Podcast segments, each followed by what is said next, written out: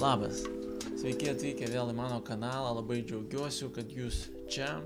Šitų trijų video apie krikščionio laisvę, visa esmė, visas mano noras yra tame, kad mes krikščionis visų pirma suprastumėm labiau, kokia yra mūsų laisvė, kokie yra mūsų turtai būnant krikščionim, kokia iš viso yra esmė būti krikščionim, kas, kuo mes ypatingi, ką mes gaunant, taip netgi sakant arba jeigu tu esi netikintis, tai irgi, manau, labai naudinga bus tau suprasti, apie ką iš viso yra krikščionybė, nes daug yra neiškumo arba tokio, kaip, kaip ir atrodo, kad aišku, bet iš tikrųjų vis e, dažnai raštas ir Biblija kalba visiškai apie kitus dalykus. Netgi krikščionis, netgi pats, būdamas krikščionis 8 metus, aš jaučiu, kad dabar kažkaip naujai tą suprantu, dabar naujai suvokiu, ką iš tikrųjų aš turiu Kristuje, kame mano tikėjimo esmė.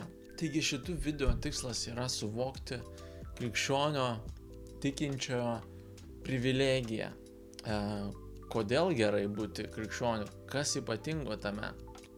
Ir Liuterio atsakymas yra, kad jis realiai sako šitą labai žymų sakinį, sako, krikščionis yra laisvas nuo visų dalykų, yra šeimininkas ir niekam nepavaldus. Ir apie šitą dalį aš kalbėjau praeitam video, o da šiandien šitam video mes kalbėsim, krikščionis yra paklusnus visų tarnas ir, ir pavaldus kiekvienam. Mes kalbėsime apie šitą, nes dažnai kyla klausimas, tai jeigu tikėjimo užtenka, visiškai nieko daugiau nereikia, tik tikėti į tai, kas Dievas yra ir ką Jis padaro dėl mūsų, kad gauti išteisinimą, gauti išgelbimą, gauti santyki su juo, tai kam tada darbuotis toliau, kam tada daryti kažkokius tai gerus darbus.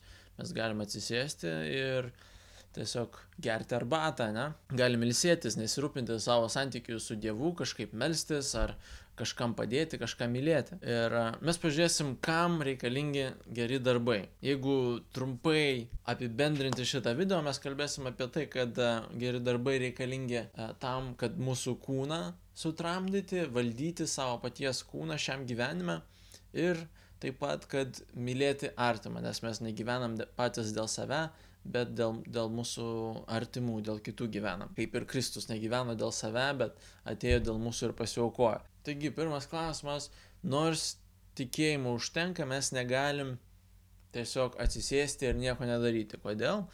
Nes kaip aš sakiau, antram video Liuteris suvokė žmogų, kaip rašte parašyta, kad jis yra dvilypis. Jis yra vidinis žmogus ir išorinis. Naujas žmogus, senas. Kūnas ir dvasia. Nors mūsų vidinis žmogus yra atnaujintas pagal Dievą, jis yra kitoks, jis nori dievo, Dievui patikti, jis nori daryti Dievo dalykus, bet šitame pasaulyje mes niekada nebusim tobuli ir vis dar gyvenam šitame kūne ir vis dar lieka to seno žmogaus liekanos, taip sakant, ir mes turim, Paulius sako, atnaujinti savo mąstymą pagal naują žmogų. Ir Paulius taip pat sako, kad jis kovoja su savo kūnu, jis tramdo jį, jis valdo jį. Jis sako, aš nugaliu savo kūną ir sutramdau jį, kad aš pamokslaudamas kitiems pats nepasidaryčiau atmestinas. Arba tie, kurie priklauso Kristui Jėzui, tie nukryžiavo kūną su jo aistremis ir gaiduliais. Tai mes matom vis dėlto tą paraginimą, vis dėlto valdyti savo kūną pačiu, nors mums nereikia nieko daugiau dėl mūsų išgelbėjimo, bet kol mes esam šitoj žemėje, mes turim tobulėti, e, mes turim atnaujinti savo kūną pagal tikėjimą. E, bet tai mes darom ne tam, kad išsigelbėti, ne tam, kad patikti Dievui, bet tiesiog iš, iš laisvos meilės, dėl to, kad mes žinom, kiek mums Dievas daug dovanojo, mes norim jam patikti, mes norim būti labiau panašus į jį Ir todėl jis sako, kiekvienas pats turi nuspręsti, kiek jam reikia ten ar pasninkų, ar maldų, ar visokiausių disciplinų, kad sutramdyti savo as asmeniškai kūną. Įsakau, kad turim valdyti savo kūną ar tramdyti savo kūną, tikiuosi, nekyla kažkokios asociacijos, kad mes turim kažkaip save plakti ir kentėti. Aš kalbu apie tai, kad mes turim įeiti į tą Dievo laisvė, kurią jis mums suteikia. Yra toks palyginimas, kuris man labai patiko apie šalį, kurioje buvo vergystė, bet po to karalis panaikina, nors karalius panaikino vergystę, žmonės, kurie buvo vergai, vis dar elgesi pagal senas taisyklės, nes jie tiesiog taip pripratę ir bijo kitaip gyventi. Tai mes esam tie patys žmonės, kurie yra išlaisvinti iš vergystės. Dievas mus suranda, Dievas mus kviečia į savo šeimą. Tai kai kalbam apie kūno tramdymą ir valdymą, būtent tai ir turime omeny, kad mes turim atnaujinti savo protą ir nebegyventi pagal tas senas taisyklės, o gyventi dabar pagal naują Dievo mums suteiktą realybę, Dievo mums suteiktą laisvę. Tai iš tikrųjų yra kūno tramdymas geras dalykas, o ne kažkoks negatyvus.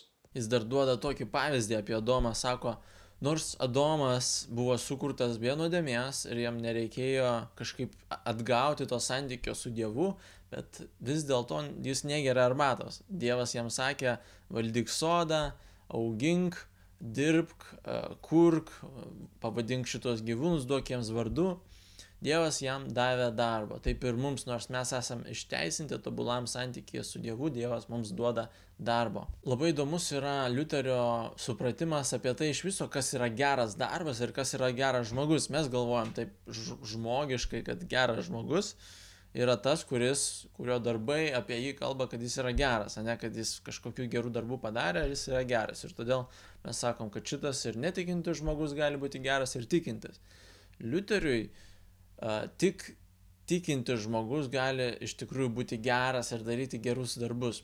Jis sako, kad netikintis žmogus, jis galėtų bet kokių gerų darbų daryti, jie yra ne, nesiskaito maždaug. Nes jeigu nori daryti gerų darbų, tu turi tapti geras žmogus.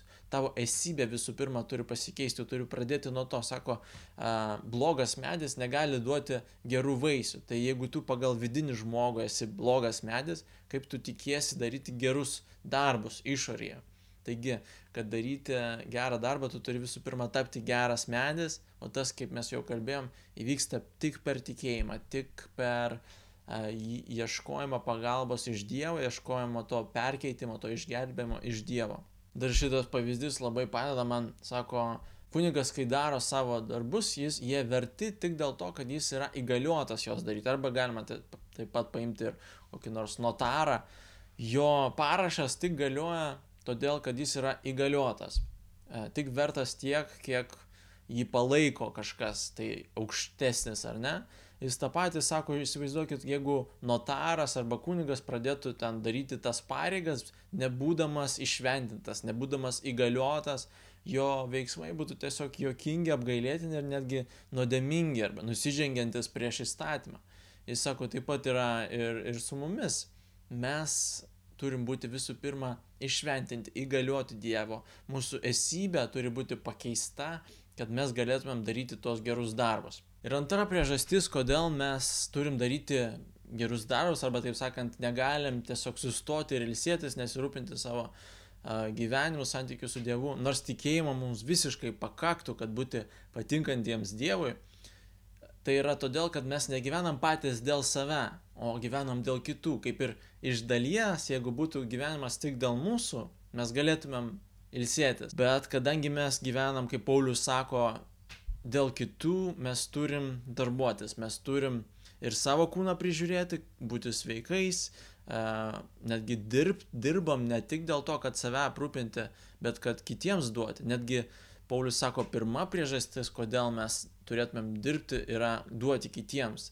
Nesako, pasi, kad pasi, kiekvienas tegul dirba, kad pasirūpintų savim, bet kad turėtų ką duoti kitiems. Tai turėtų būti netgi pir, pirmesniai vietoj mūsų mąstymę, uh, kai mes darom bet kokį veiksmą gyvenime, mes turim mąstyti apie kitus. Nežinau, kaip jums skamba tas pasakymas, kad mes negyvenam dėl savęs, dėl kitų, bet mane nuoširdžiai sakant nustebino toks priminimas iš kitos pusės atrodo, kodėl čia tave stebina, nes rašte aiškiai parašyta, kad mes gyvenam dėl kitų, turim gyventi dėl kitų, bet turbūt mūsų visuomenė antiek mūsų visuomeniai tapo normalu gyventi dėl save. Kiekvienas atrodo taip gyvena, kitaip ne, neturim pavyzdžių, labai kitaip uh, niekas negyvena, visi planuoja, visi kūrė planus aplink save.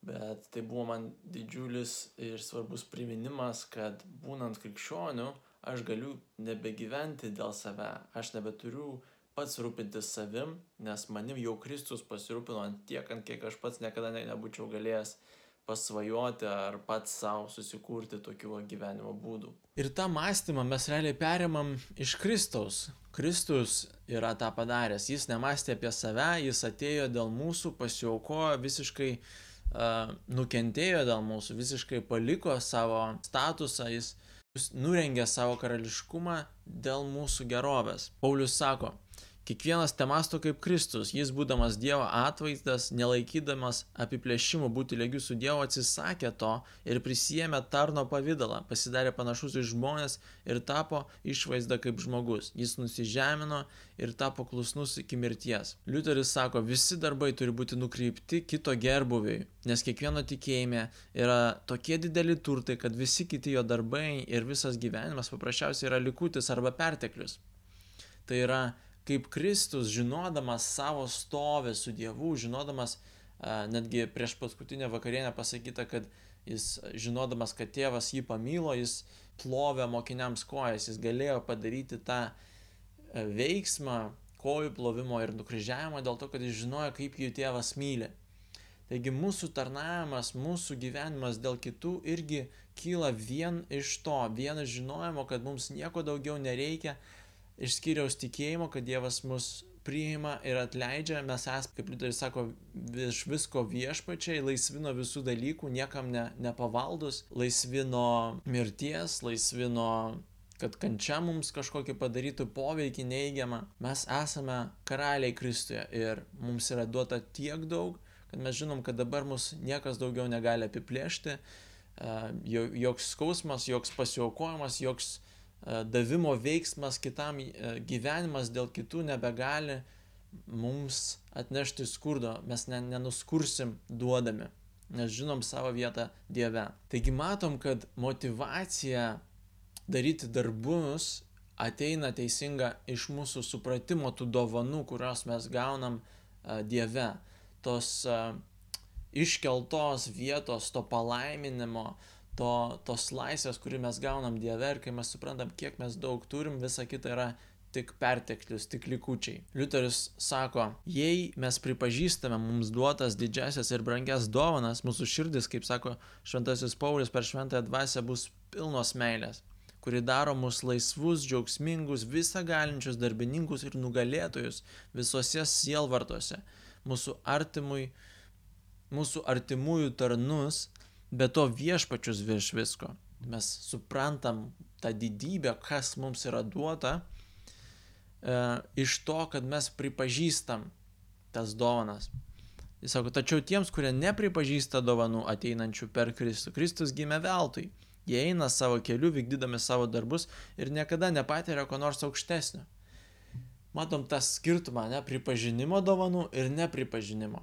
Jeigu mes nepripažinsim, nesuprasim, nepatikėsim tą laisvę ir didybę ir atleidimą ir meilę, kurį mes gaunam Kristuje, tą karališkumą, tą viešpatystę virš gyvenimo, mes negalėsim duoti. Mes vaikščiosim savo keliais ir niekada nepatirsim ko nors aukštesnio.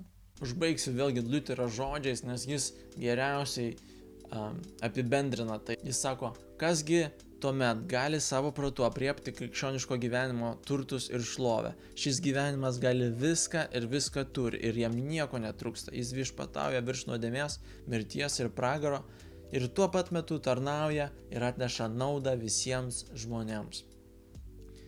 Man patinka tas, ta frazė, kasgi gali savo protu apriepti krikščioniško gyvenimo turtus ir šlovę. Labai sudėtinga savo protu apriepti tą šlovę. E, Paulius irgi sako Efeziečiams trečiam skyriuje, aš meldžiu, kad jūs suprastumėt Dievo meilę, kuri pranoksta visokį supratimą. Kaip galima suprasti arba pažinti, jis sako, meilę, kuri pranoksta supratimą, pranoksta protą.